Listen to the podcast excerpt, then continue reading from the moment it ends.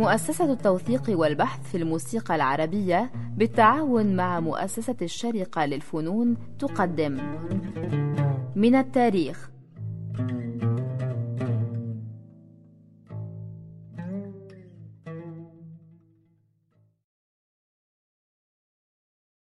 أهلا وسهلا بكم سادتي المستمعين في حلقة جديدة من برنامج من التاريخ. نواصل فيها الحديث عن أتباع الطريقة الزيدانية. ونواصل الحديث عن عباس كمبير الشيخلي الطاهر مثلا الطاهر هو من الجهرقاء من سلم مقام الجهرقاء الطاهر.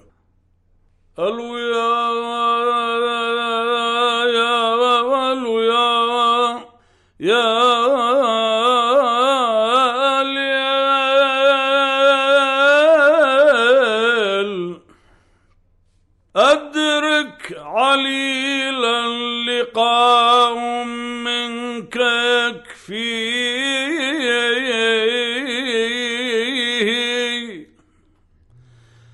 وطرفك الناعس الممراض. وطرفك الناعس الممراض. يشفيه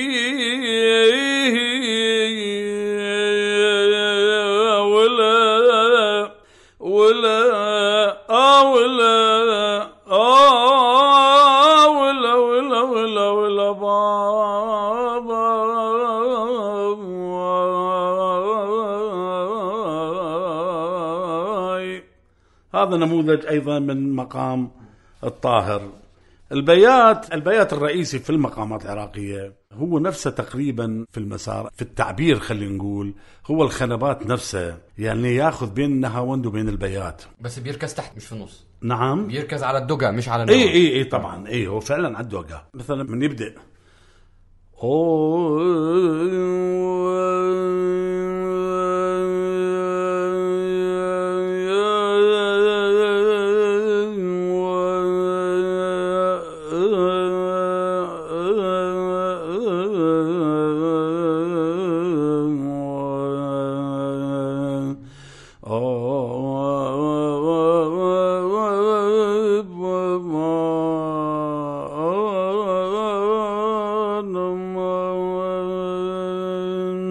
هذا مثلا نموذج من بداية مقام البيات طبعا البيات يعني جميل جدا وفي تعابير قديمة أصيلة كلاسيكية. قد يكون لا يستسيغها الجيل الحالي الحقيقة لأنه مكثفة جدا تعابير مكثفة قديمة. على كل حال في كتاب أعلام المقام العراقي لمؤلفة الباحث كمال لطيف سالم يقول أن المطرب عباس كمبير الشيخلي يشكل علامة بارزة في تاريخ الغناء العراقي المقامي ويضيف أيضا بأنه من القراء القليلين الذين انفردوا بصوت رخيم فيه حلاوة مقربة من الأذواق والأسماع المرهفة اللي تميل إلى الصوت الحسن والأداء المتقن المصاغ بشكل هندسي.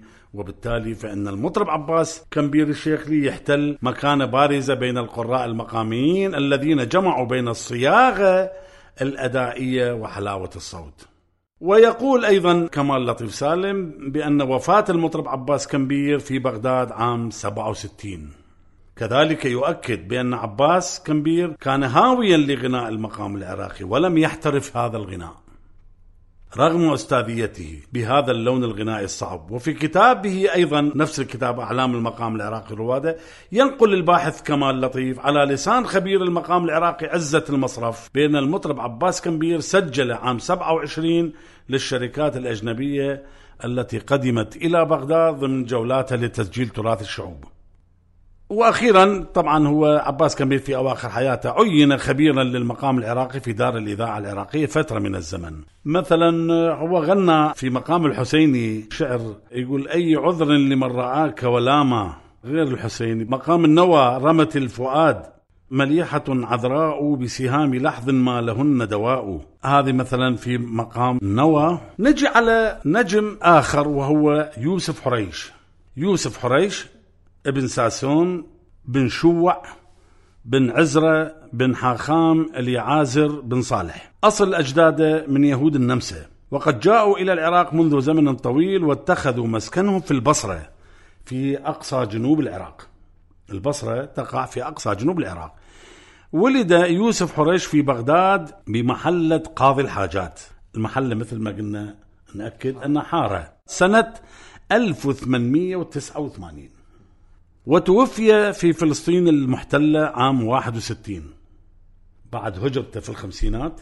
أخذ المقام العراقي من أحمد زيدان وروبين بن رجوان. روبين بن رجوان هو أيضا من يهود العراق. غنى يوسف حريش في دار الإذاعة العراقية لفترة طويلة وأسقطت عنه الجنسية العراقية بعد سفره إلى فلسطين المحتلة عام 51 حسب رواية الحاج هاشم الرجب.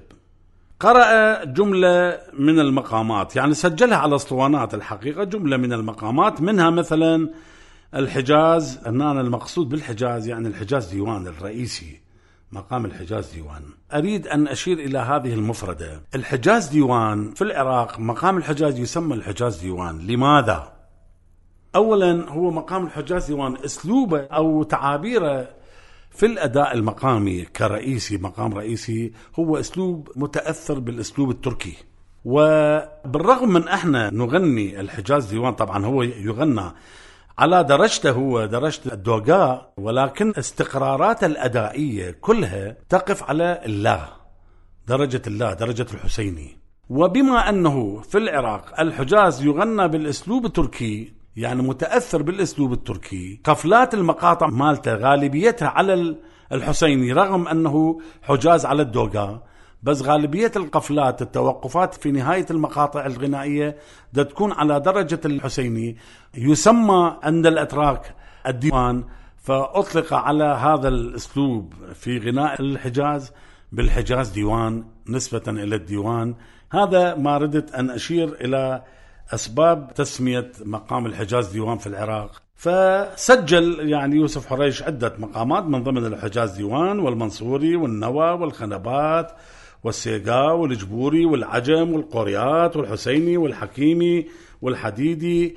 وكان مقام النوى الذي سجله في الأسطوانة يعتبر أروع النماذج لهذا المقام. غنى لأم كلثوم عند قدومها إلى بغداد وذلك في حفلة خاصة أقامها يوسف زعرور الكبير على شرفها سنة 1933 ويوسف حريش من كبار المغنين وذوي العلم بأصول المقام العراقي وتركيبه. أقول أيضا مقام اللي أشرت إلى مقام النوى هو مغنى أيضا بقصيدة ابن نبات المصري من روائع الشعر الوجداني العربي. محمد ابن نباتة شاعر كبير في القرن ال14 أي ابن نباتة أي ابن نباتة المصري. جمال الدين ابن نباتة. جمال الدين ابن نباتة فعلا. فهو مطلعها هو طبعا ما يغني المطلع يغني من غير بيت بس هي مطلعها أودت فعالك يا اسما بأحشائي وحيرتي بين أفعال وأسمائي إن كان قلبك صخرا من قساوته فإن قلب المعنى قلب خنسائي. فإن. إيه فقصيدة حلوة بس هو يبديها من البيت أيضا بيت جميل. يا صاحبي أقلا من ملامكما ولا تزيدا بتكرار الهوداء. فيعني جميلة جدا القصيدة وأدي بمقام النوى.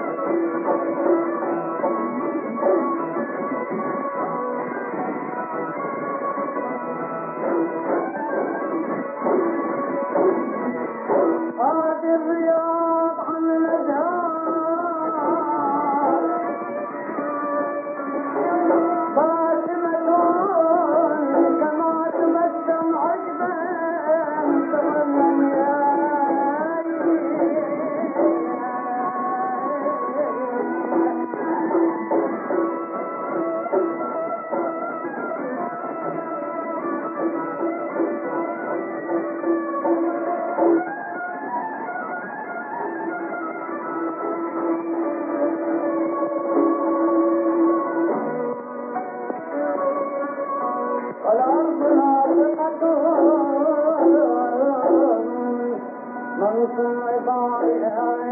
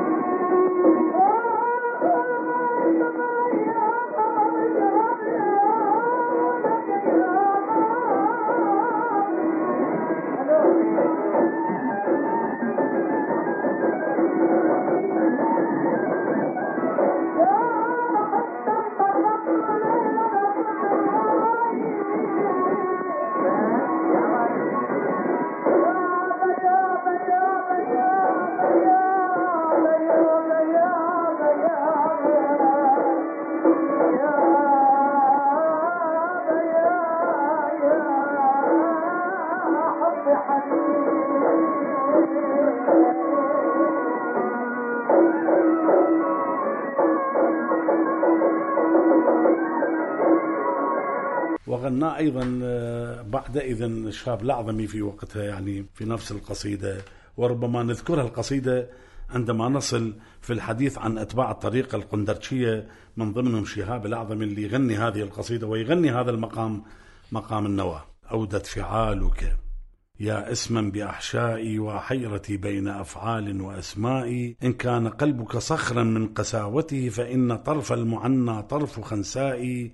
ويح المعنى الذي أضرمت باطنه ماذا يكابد من هول وأهواء؟ يا صاحبي أقلا من ملامكما ولا تزيدا بتكرار الهواداء وإلى نهاية القصيدة. أيضا هناك نجم آخر لم ينصفه المؤرخون الحقيقة يعني هم أكثرهم الآن اذا نذكرهم النقاد والكتاب لم ينصفوهم باستحقاقهم الحقيقة. أحاول أن ألقي الضوء عليهم لأنه أشعر أنهم يعني ما أخذوا حقهم من الإعلام ما أخذوا حقهم من الشهرة أو ما أخذوا حقهم من التقدير نجم آخر هذا اللي أقول أنه لم يأخذ حقه أيضا هو المطرب يوسف كربلائي يوسف كربلائي ولد عام 1883 وتوفي عام 1961 ولد في بغداد محلة القرغول حارة القرغول حسب رواية المؤرخين.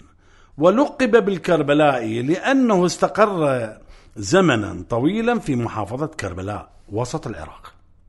وقد مارس الأداء الديني في المناقب النبوية والأذكار وزامل عددا من شيوخها وقرائها يعني قراء هذه الشعائر. وبجانب ذلك مارس أداء المقامات العراقية والأغاني التراثية منذ عام 1917 حتى سجلت له شركات التسجيل الصوتي عام 1924 ومنها شركة بيلفون أوديون عددا من المقامات والأغاني. يعتبر يوسف كربلائي أول رائد للتلميع بين القريض والبستة على شكل متقطع وجميل مختلف في ضروبه في المقامات ومتفق في سياقه في البستة ولعلها تعتبر ظاهرة انفرد بها الحاج يوسف كربلائي بين أقرانه ذلك الوقت. الحقيقة أنا كنت أمتلك ولا أزال يمكن أمتلك أكثر من ساعتين أو ساعتين من تسجيلاته أو من الاسطوانات. في شريط كاسيت طبعا كان مجموعة من الاسطوانات هي منقولة. نقصد بالتقطيع اللي هو انفرد بأسلوب أدائي يختلف عن كل المؤدين. فأنا قلت أنه أشرت إلى أنه رائد التلميع هو كان مثلا من يؤدي يقطع بالكلام وبالأداء يعني ليس فقط في الكلام.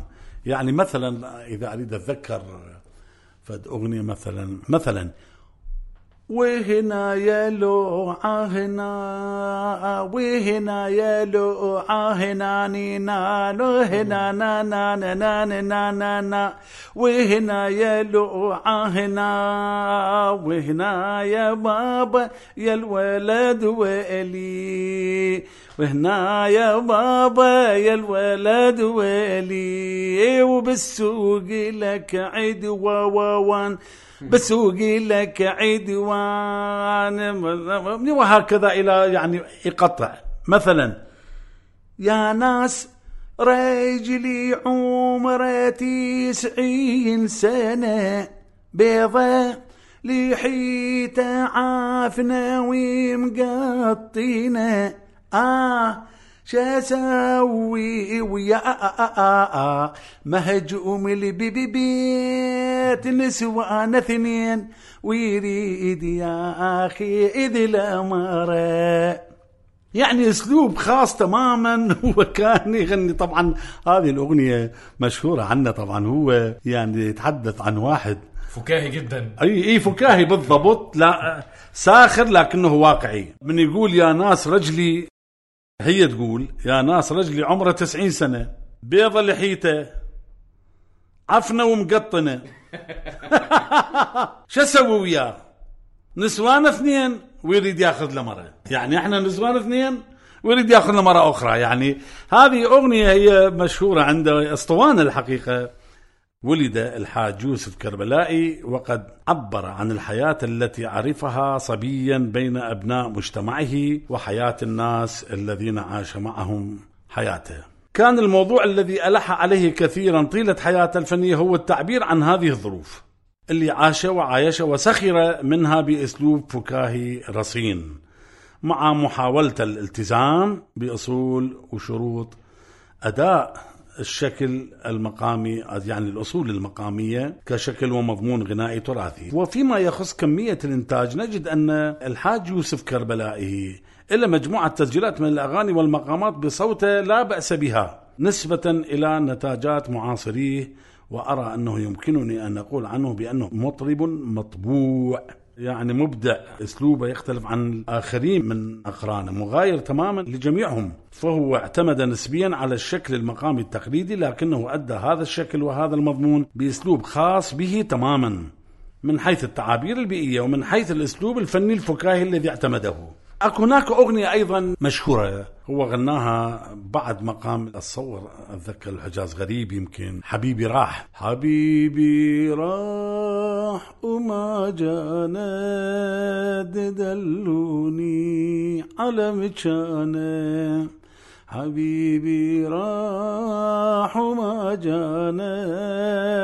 دلوني على مكانه ددلوني عليه وانصار بالبصر لو لو بالعشار. ترررررم ترررررم لا لا لا لا لا لا لا لا لا لا لا لا وهكذا هذه أغنية شهيرة مالته هي مالته أتصور اللحن مالته يعني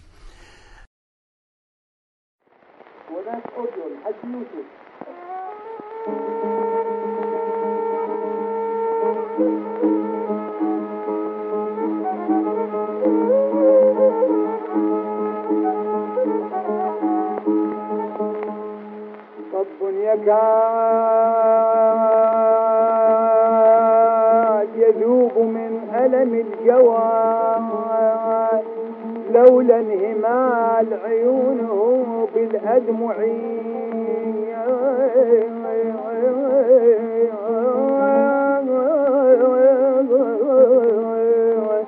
أمل بيناه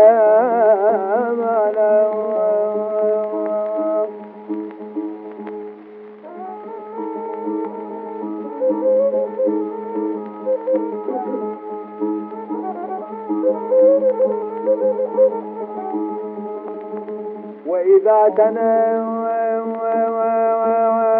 تنفست الصبا وإذا تنفست الصبا ذكر الصبا ولياليا مرت بوادي الأجرعين آه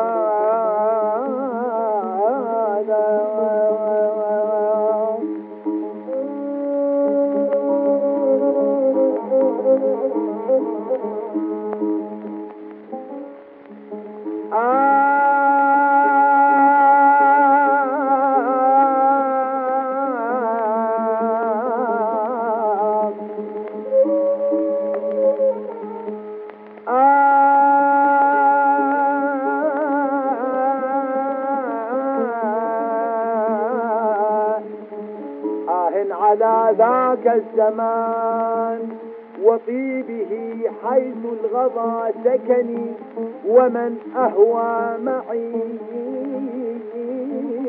لا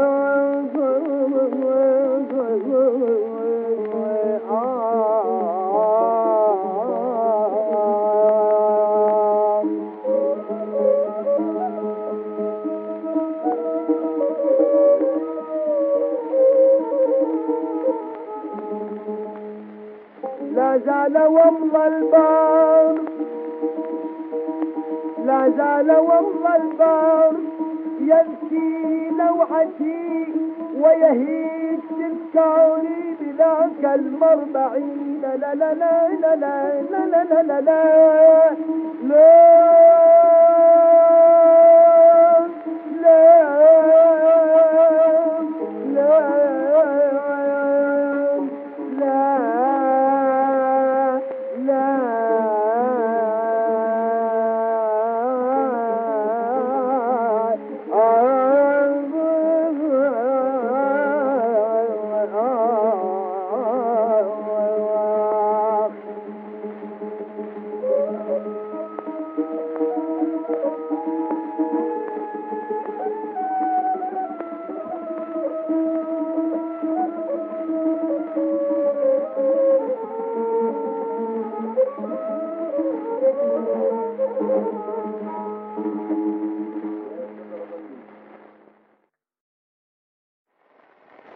Thank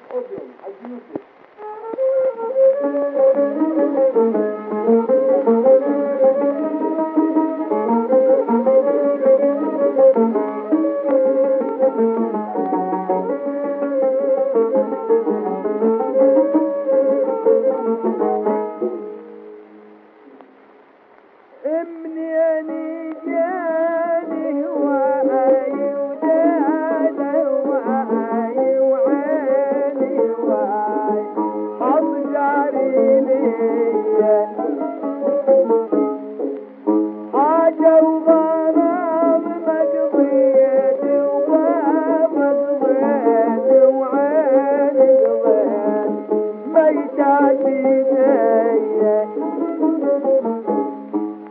يا دمعي بيش النار وبيش النار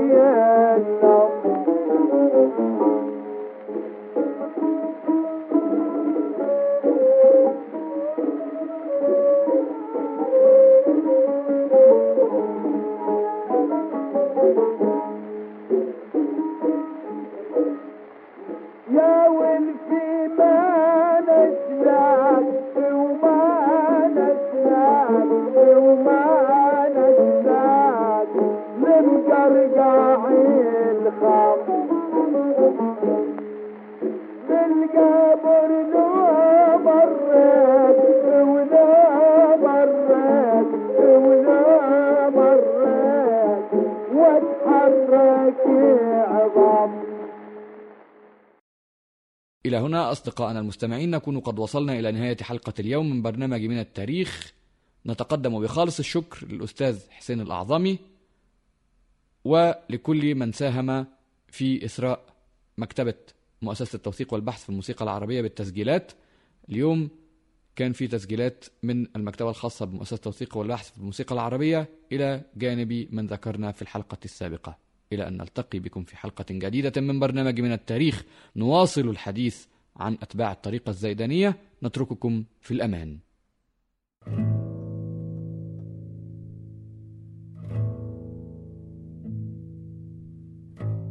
من التاريخ. فكرة وإعداد مصطفى سعيد.